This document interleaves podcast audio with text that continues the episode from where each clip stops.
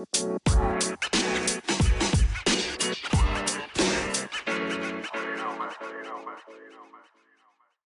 hai. Halo, Jong.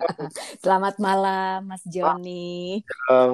Gimana udah kelar WFH-nya? Jam 4 tadi barusan. Iya. Jadi udah sempet main-main dulu ya sebelum mandi sore, Iya. terus pakai bedak udah ya. Kayak zaman kecil dulu. Iya, terus masih belepotan lagi mukanya putih-putih gitu gue. Ya kan, kita dulu gitu banget loh. Kali netizen nih banyak yang nggak paham kan. Kalau apa sih maksudnya kalau pakai bedak putih-putih? Jadi kalau dulu anak kecil tuh begitu mandi sore, udah dipakein baju tidur, terus udah gitu dikasih bedak sampai cemong di muka gitu ya Mas Joni ya. Terus Itu Keluar lagi. dah. udah, Udah mandi. mandi. Iya, karena mukanya udah cemong. Tapi kali ini Betul. kita bukan mau ngomongin soal cemongnya di muka, tapi justru kita ngomongin soal cemerlangnya susu king. Cie. Suzuki. Susu Betul. King ini luar biasa ya. Jadi eh menurut Mas Joni, sebetulnya kalau dibilang eh, Joan Mir tuh layak mendapat juara dunia tahun ini, layak banget nggak sebetulnya? Ya sebenarnya kalau kita melihat sangat layak karena ya kalau kita melihat bahwa dia tampil artinya tidak cepat menyerah. Iya, benar dia konsisten awal- ya. Betul di awal Hmm. F kemudian terpuruk Iya. baru kemudian bangkit terus akhirnya menunjukkan konsistensi ini sangat bagus sekali dan bahkan malah kalau momennya kemarin katakanlah Valencia nggak Mm-mm. menang tapi dia terus di posisi podium dua itu malah lebih jadi orang keinget terus sama Iya, Joan Mir iya, iya. kagak pernah juara tapi juara dunia Ya Gitu, paling Jang. sekali menang lah ya. iya Ya, ya, sekali meskipun emang biasanya kalau kita ngelihat MotoGP tuh ya identiknya sama Valentino Rossi gitu atau enggak Marc Marquez deh. Marc Marquez nih menang terus betul. gitu kan. Terus udah gitu eh, kemenangannya tuh banyak lah dalam satu season, satu seri. Makanya terus kalau dia jadi juara dunia ya wajar. Nah, tapi John Mir ini bisa dibilang Betul. cukup unik di tahun yang penyelenggaraannya cukup unik juga. Ya kan? Karena ya dia konsisten banget dan sebetulnya kayak yang kita bilang di podcast kemarin ya Mas Joni halangan dan tantangan Mm-mm. di uh, musim 2020 ini banyak. Salah satunya adalah setiap kali race mereka tuh harus swab ada kali udah 17 kali di swab mulu ya nggak sih? gede-gede tuh lubang hidung sama tenggorokan. Iya kan? Gila. Tiap kali Iya. tiap kali uh, race harus di swab ya, kalau nggak salah tuh kemarin Alex Betul. Briggs aja pas di Valencia minggu lalu deh dia udah bilang oke nih swab yang ke-17 kalinya 17 kali betul betul Iya kan? betul Gila loh. Jadi tantangannya nggak mudah ya, apalagi menunggu hasil tesnya tuh juga ada ketakutan tersendiri. Iya, benar, benar. betul karena bisa betul. aja dia nggak mengalami gejala fisik apa pun, tapi dia nggak boleh Heeh, race. Gitu kan sebel ya sebenarnya. Gitu. betul Iya. iya menyebalkan sekali tuh ya kalau kita melihat ya itu buat Alex Briggs kan emang yang mau nggak Mm-mm. mau jauh dari rumahnya iya, kan iya, iya. kalau yang pulang yang pulang ke rumah kan gitu ya kayak Valentino Rossi aja kemarin Iya, pulang ke rumah giran berangkat dia tes ya positif tes lagi negatif iya, iya, ya iya. begitu juga sama kayak Iker Lecuona kan Iya. Lecuona fix nggak bakal tampil dan Mm-mm. dia digantikan oleh Mika Kallio Mika Kallio, di benar. Portimao nanti juga begitu Heeh. padahal dia nggak nggak berhubungan sama cuman negatif tapi kemudian harus karantina eh pas udah negatif berangkat malah di sirkuitnya dia positif Nah, kan itu dia karena kita nggak pernah tahu ya gitu udah dengan eh, kontak tracing yang begitu ketat di sana ya tetap aja masih bisa kecolongan juga ternyata gitu. Bener. Bisa. Nah, untungnya sih untuk eh, ya Joan Mir nih bisa dibilang hoki juga karena Joan Mir Iya gak sih? betul Dia dia hoki banget loh. Udahlah dia emang bener-bener patuh protokol dia nggak ke mana-mana.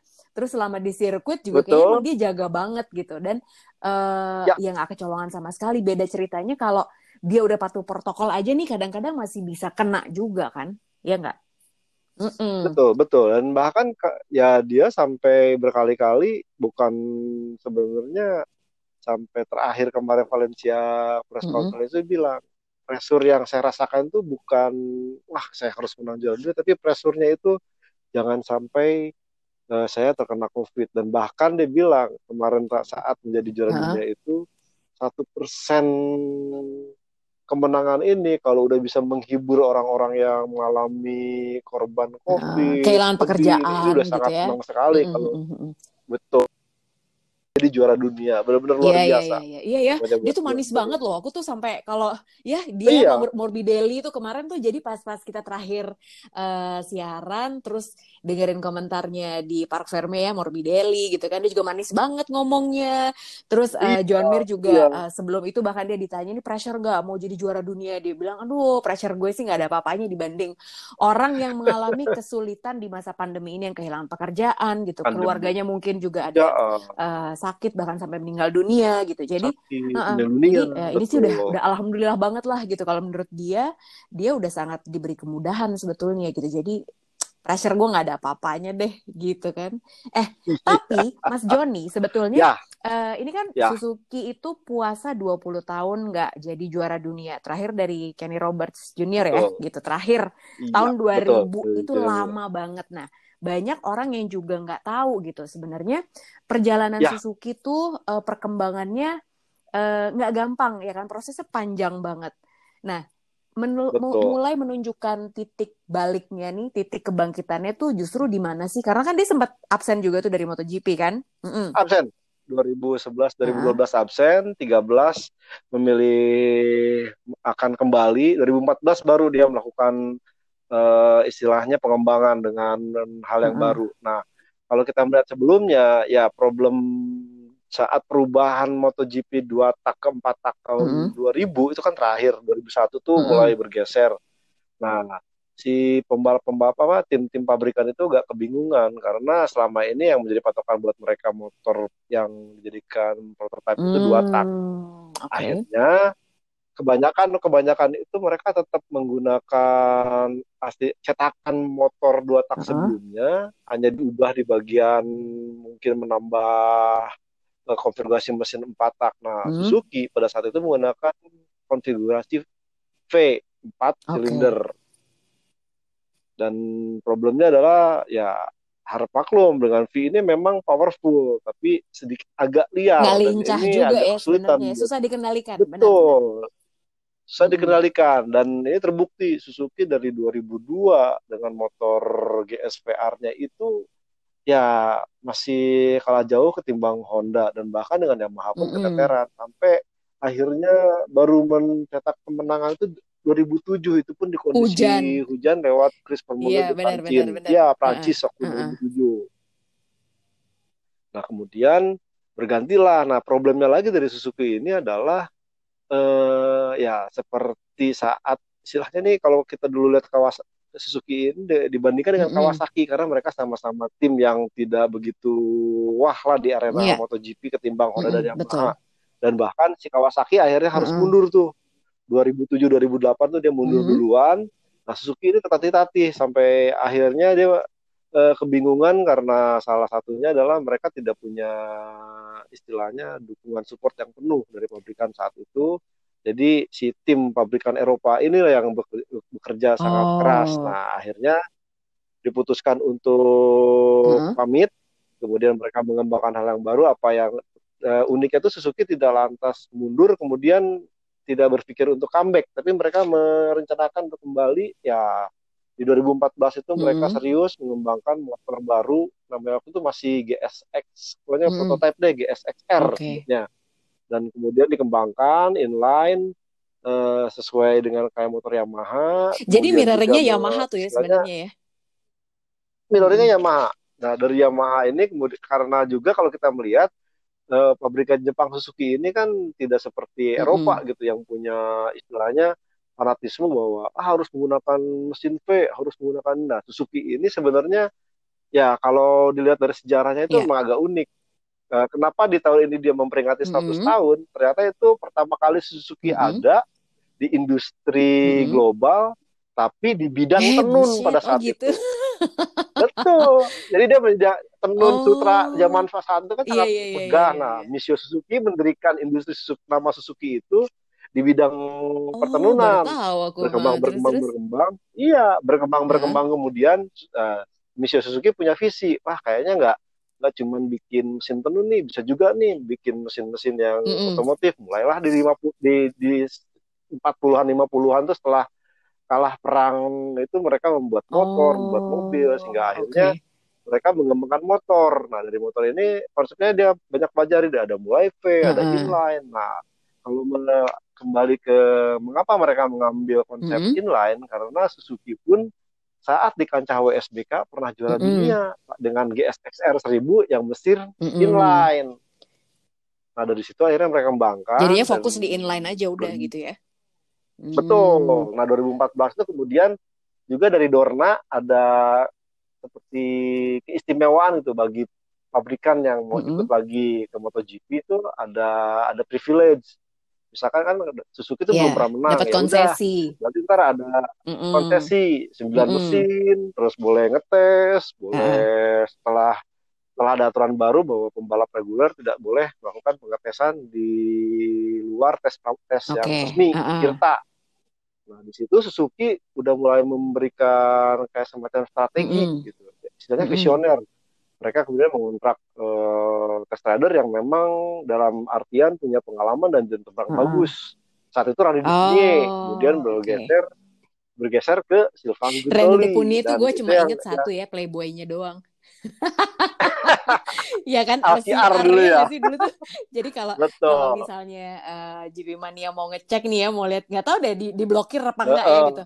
Coba search di Google ya, masukin Randy Depunie LCR masukin aja keywordnya playboy. Oh. itu fotonya kalau yang keluar tuh pasti yang waduh astagfirullah.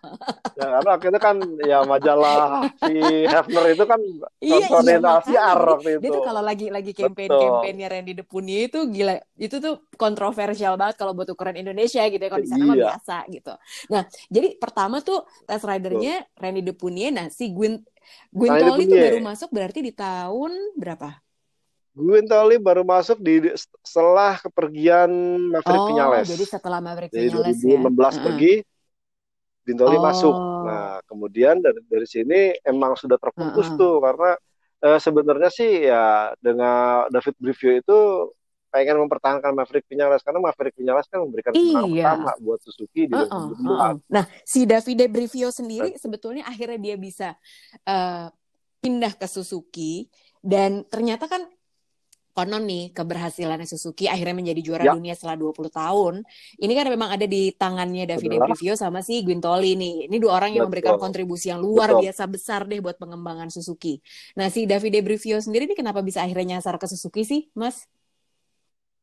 Ya karena sebelumnya kan dia sempat di Yamaha membawa Valentino Rossi juara dunia terakhir 2008 2009. Hmm, Terus pernah bergabung uh, di Ducati tapi sebagai manajer yeah, pribadi betul. Rossi Nah, kemudian Rossi balik ke Yamaha sebenarnya -huh. ditawarin, cuman David Di merasa udah deh aku merasa cukup -huh. deh mau melakukan hal yang lain. Nah, sempat sabatikal -huh. tuh beberapa -huh. tahun, kemudian ya Suzuki itu emang membutuhkan eh, istilahnya tim manajer yang punya pengalaman dan terbang tinggi ditawarkan ke David oh. David pun mau akhirnya oke okay -huh. ini tantangan buat dia karena kalau kemarin-kemarin kan ya cara pengembangan uh, yeah. udah jelas terus pembalap mm. juga bagus nah dengan Suzuki ini yang notabene memang secara budget secara secara mm. jam terbang itu masih istilahnya anak yeah. anak hijau lah anak uh -uh. baru lah tapi justru ini kayaknya lebih itu menantang buat tuh. review ya nggak sih soalnya itu ya ini benar-benar masih hijau banget dan belum ada masih banyak sesuatu yang bisa itu. diulik lah dan kayaknya Suzuki memberikan kebebasan yang luar biasa besar juga buat dia ya buat bereksperimen. Betul. Ya nah, dan itulah tadi. Nah, kalau kita melihat saat mungkin sekarang Yamaha, Ducati atau Honda itu memang terlalu banyak struktur bener, gitu yang birokrasinya agak ribet. Nah, sementara di Suzuki ini fix tuh dengan didirikan tim Suzuki MotoGP uh -huh. bermarkas uh -huh. di Inggris. Kemudian David Brivio menyusun segala programnya uh -huh. dan bahkan salah satunya itu dia mengakali bagaimana uh, test rider ini bisa dimanfaatkan semaksimal mungkin untuk memberikan feedback terbaik buat pembalap reguler dengan aturan baru ini. Dan kebetulan juga Davide Brivio itu ya talent punya bakat talent Scott yang sangat bagus. Ini dibuktikan dengan dia dia tidak lantas termehek-mehek gitu ditinggal. Pinyales Pinyales 2016 yeah, yeah, yeah. bahkan itu kan kalau mulai dipikir itu dapat tambahan uh -uh. uang lah, ada kompensasi lebih besar lagi, dia ambil uh -uh. Mir yang saat itu ya boleh dibilang Joan Mir tuh ya uh, memang di memang dipakai oleh Suzuki itu buat jangka panjang karena kan Suzuki tidak punya pembibitan tapi dia mengambil masih muda, muda lagi ya benar sih betul dan ternyata tuh apa yang di dan uniknya lagi tuh Sylvain uh Bintoli meskipun pembalap juara dunia dia tuh sadar bahwa ya kalau mengutip uh, apa mengutip yang pramak racing tuh teamwork is iya, dreamwork benar, gitu. benar, nah, ini menjadi bagian yeah. penting Steven Guntel ini pembalapnya mengasih feedback kepada kepada apa kepada hmm. Joan Mir dan Alex ini benar-benar hmm. detail. Hmm. Jadi dia menjelaskan semua kondisinya bahwa gue pakai ini begini begini hmm. begini uh, apa yang dirasakan dan dikasih feedback dan ini pun feedback dari Gintoli, dari Joan Mir, dari okay. Alex Rins itu ditampung artinya dengan kondisi David Brivio sebagai penengah itu disambungkan ke Ken Kawauchi sebagai manajer tim hmm. teknik itu dikembangkan dengan sangat Dan, bagus. Jadi ini uh, kalau kenapa, saya kenapa, kenapa, Mas Joni? Ya kalau saya melihat ini sebenarnya ini Suzuki yang dua tahun belakangan ini tuh persis saat Valentino Rossi pindah yeah, ke iya, Yamaha yeah, di tahun 2000. Iya, iya, iya. Iklimnya tuh masih bersama Mas iya, iya, iya, benar benar benar. Itu tuh dream team sih ya sebenarnya ya. Betul. Dan betul. Uh, apa ya kalau uh, kita pernah bahas juga tuh pas lagi siaran. Sebenarnya salah satu kuncinya adalah satu memang teamwork yang luar biasa dan mereka tuh mempercayakan pengembangan motor bukan ke salah satu rider aja, tapi dua-duanya gitu. gitu. Baik si Rins betul. bisa kasih feedback, baik Mir juga bisa ya. kasih feedback karena mereka berdua ya kita lihat aja.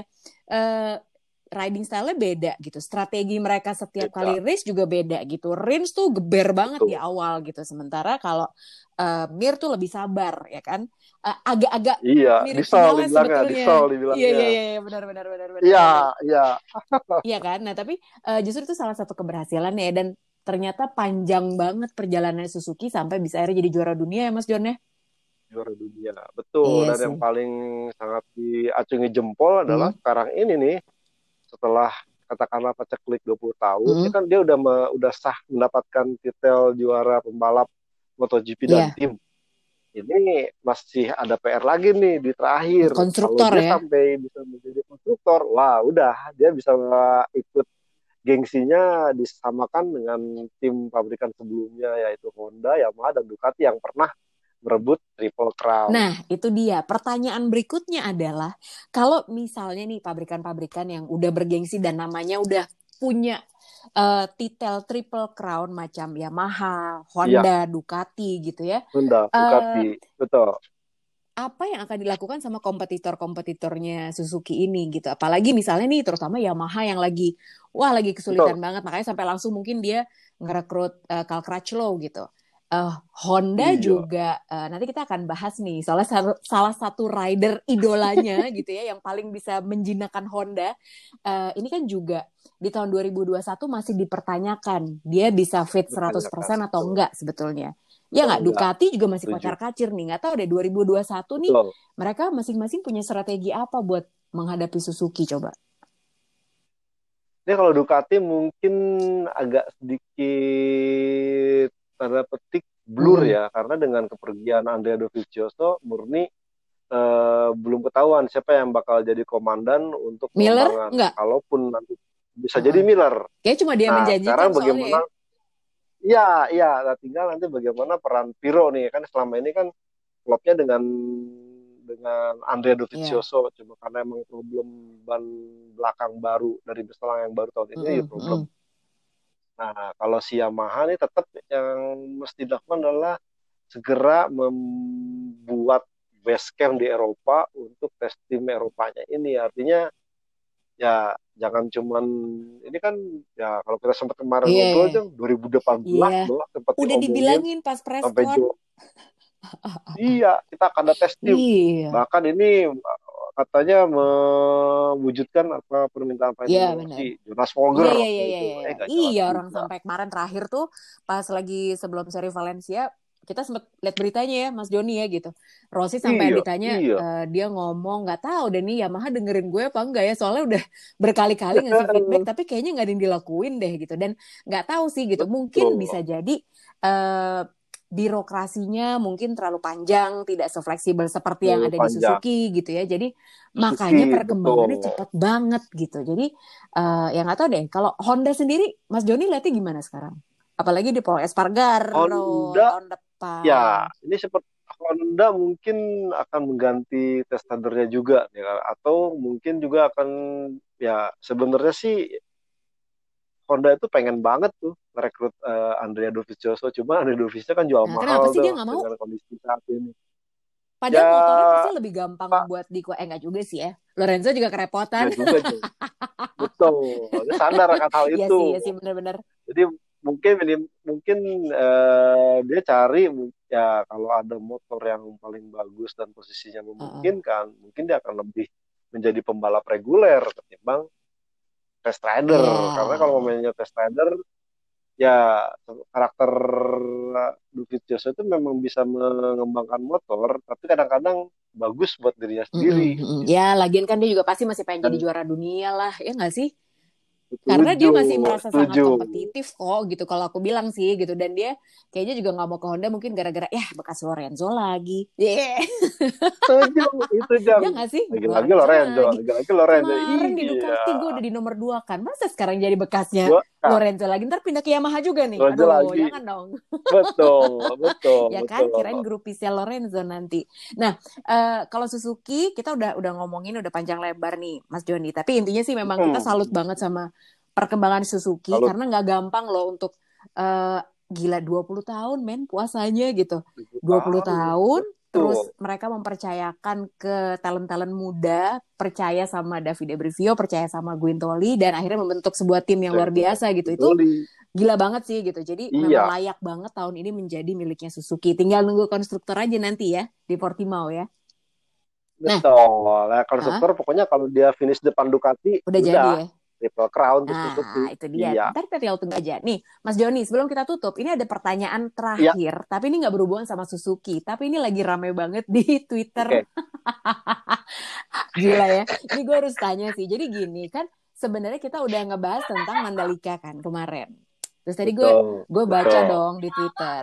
Eh gue juga udah iya cerita sih waktu itu bahwa eh dengerin deh, aku sama Mas Joni nih ngomongin soal Mandalika, terus harapan kita berdua tuh sebetulnya apa. Jadi eh, udah panjang lebar gitu. Jadi iya jangan dilihat betul sebagai bentuk eh, tidak support, bentuk nyinyir tuh enggak iya gitu sebenarnya. Tapi banyak yang betul harus karena kan betul yang ngerti sih kalau yang nggak ngikutin MotoGP tuh ngelihat kita skep kita kritis kesannya jadi skeptis gitu kesannya malah malah iya kayaknya lu gimana sih? Nggak nasionalis. Nggak dukung nih gitu. iya nggak padahal nggak bener nasionalisnya tinggi padahal nggak gitu. gitu. Nah ini lagi ada jadi satu hal yang menjadi perdebatan.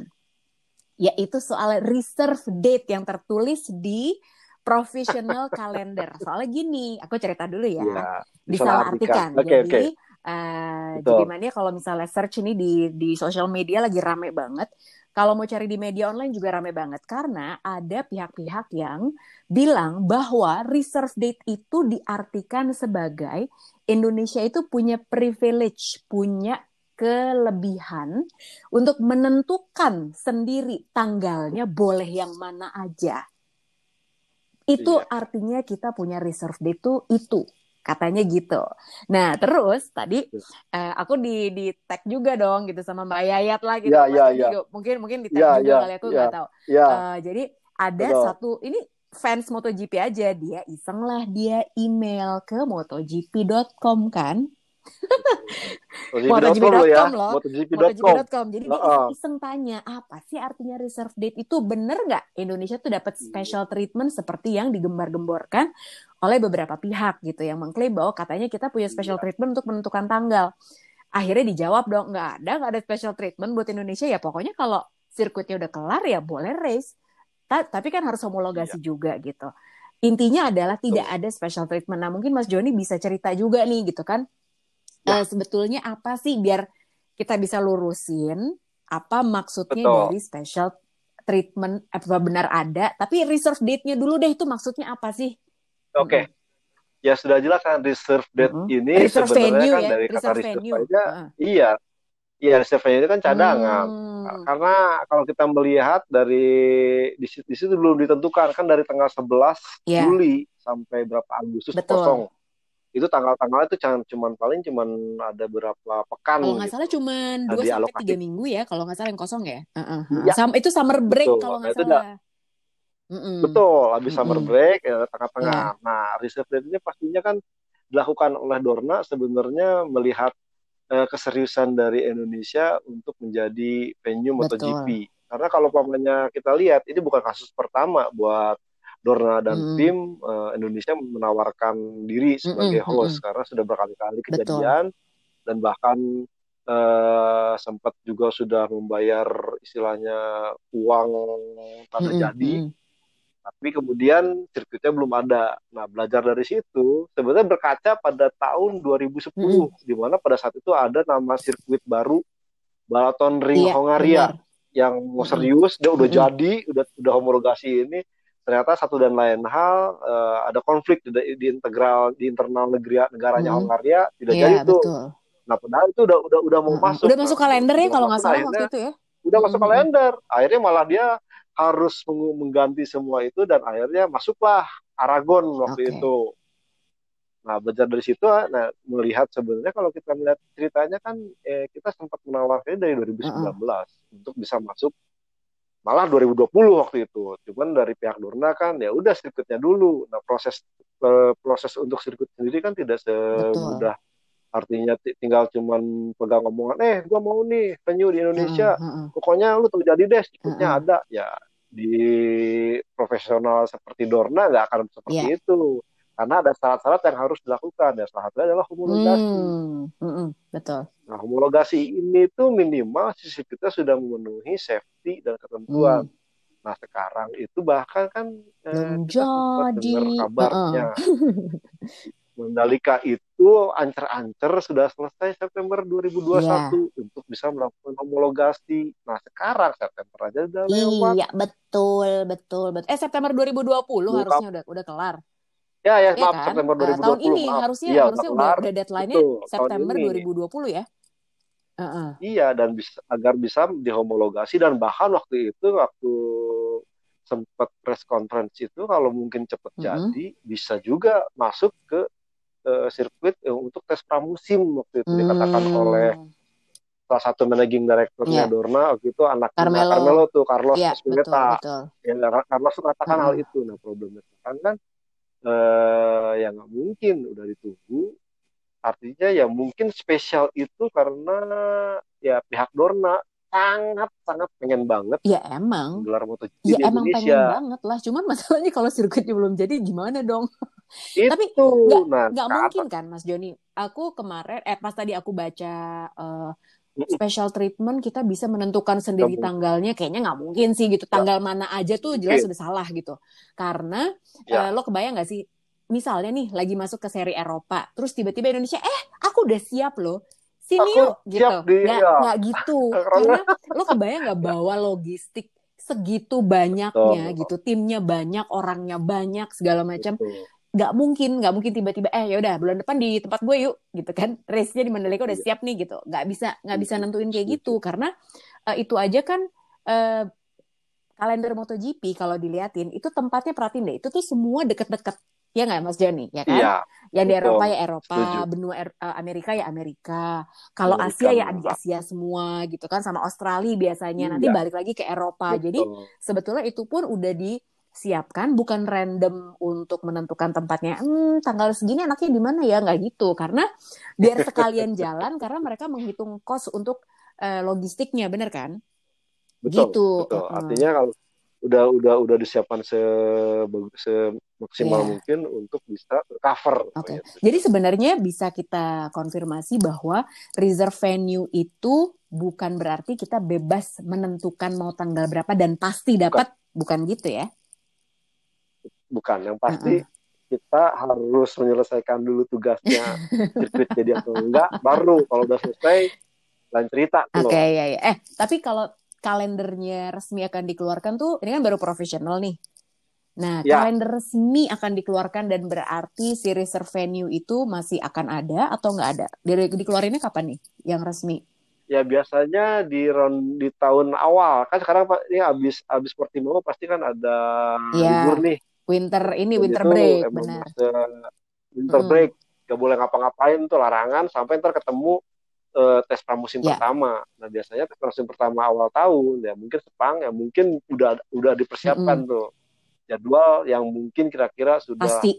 hampir pasti. Berarti Ya. itu biasanya kalau kalender resmi udah keluar nih, eh officialnya udah keluar, berarti si reserve venue itu udah ya udah tinggal nunggu aja mau di Algarve, Iya. mau di eh, Agar Igora di atau di Mandalika. Rusia. iya tuh Mandalika. Betul. Gak tahu deh. Coba aja nanti dicari kira-kira bisa bangun candi semalam tuh kan Bandung Bondowoso ya. Mungkin bisa di WhatsApp Bandung Bondowoso bisa nggak sebelum ayam jantan berkokok diselesaikan Berkokok. Betul. gitu. Nah, eh, ini kita tutup dulu. Terima kasih banyak Mas Joni. Oke. Jadi abis ini kita Siap. mau ngebahas tentang hal yang serius banget loh ini. Eh, soalnya berhubungan juga dengan tentunya bahasan satu rider yang masih menjadi teka-teki teka-teko. Ya kan? Tahun depan gimana? Iya, Terima betul. kasih banyak Mas Joni. Kita akan uh, Sama-sama ketemu jam lagi setelah yang berikut ini. Dah. Thank you.